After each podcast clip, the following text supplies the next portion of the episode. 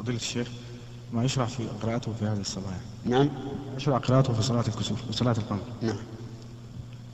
إيه، صلاة الكسوف لا يشرع فيها قراءة سورة معينة بل المشروع فيها الإطالة المشروع فيها الإطالة إنما لو أتى مثلا بسور فيها مواعظ كثيرة فالوقت مناسب.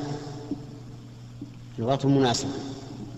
وكان بعض مشايخنا يستحب أن يقرأ سورة الإسراء لأن فيها آيات مناسبة. منها قوله تعالى وما منعنا أن نرسل بالآيات إلا أن كذب بها الأولون.